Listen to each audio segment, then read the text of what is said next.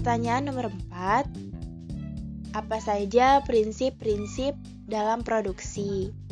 Yang pertama, seluruh kegiatan produksi terikat pada tataran nilai moral dan teknikal yang islami. Menurut Metwali, pada tahun 1992 mengatakan bahwa Perbedaan dari perusahaan-perusahaan non-Islami tak hanya pada tujuannya, tetapi juga pada kebijakan-kebijakan ekonomi dan strategi pasarnya.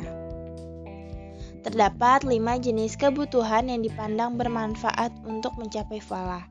Yang pertama, kehidupan, kedua, harta, ketiga, kebenaran, keempat, ilmu pengetahuan, dan yang kelima, kelangsungan keturunan.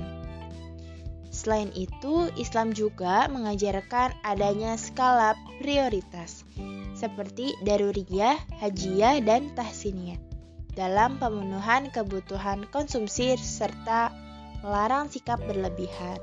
Larangan ini juga berlaku bagi segala macam mata rantai dalam produksinya.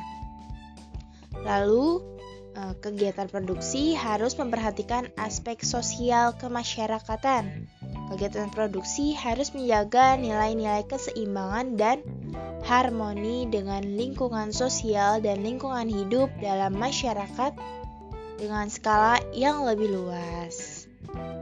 Selain itu, masyarakat juga berhak menikmati hasil produksi secara memadai dan berkualitas.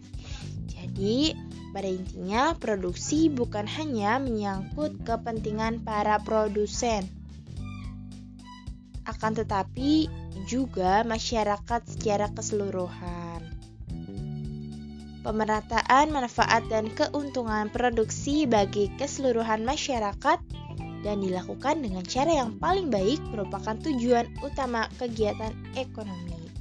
Lalu yang terakhir adalah Permasalahan ekonomi muncul bukan saja karena kelangkaan, tetapi lebih kompleks.